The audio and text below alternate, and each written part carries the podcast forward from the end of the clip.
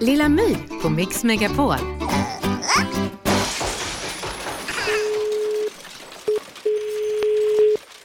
Beata trafikskola Camilla. Ja, hej, jag heter Lilla My. Ja, hejsan. Ja, jag har en fråga. Ja. Hur får man i backen i en Opel Corsa? Eh, hur såg Opel Corsa? Jag vet inte hur den ser ut. Den är liten och ganska ful.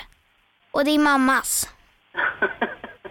eh, men var står den nu någonstans då? Ja, jag åkte en kilometer bort. Men nu hamnar jag mot en vägg Eh, och då måste jag backa. Jaha.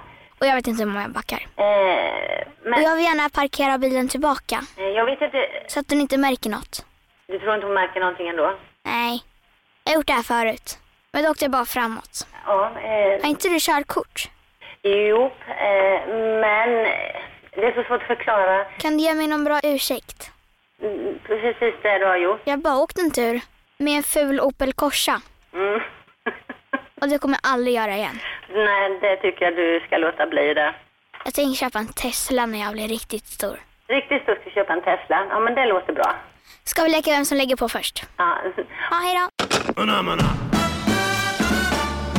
Lilla My på Mix Megapol. Ett poddtips från Podplay. I fallen jag aldrig glömmer djupdyker Hasse Aro i arbetet bakom några av Sveriges mest uppseendeväckande brottsutredningar.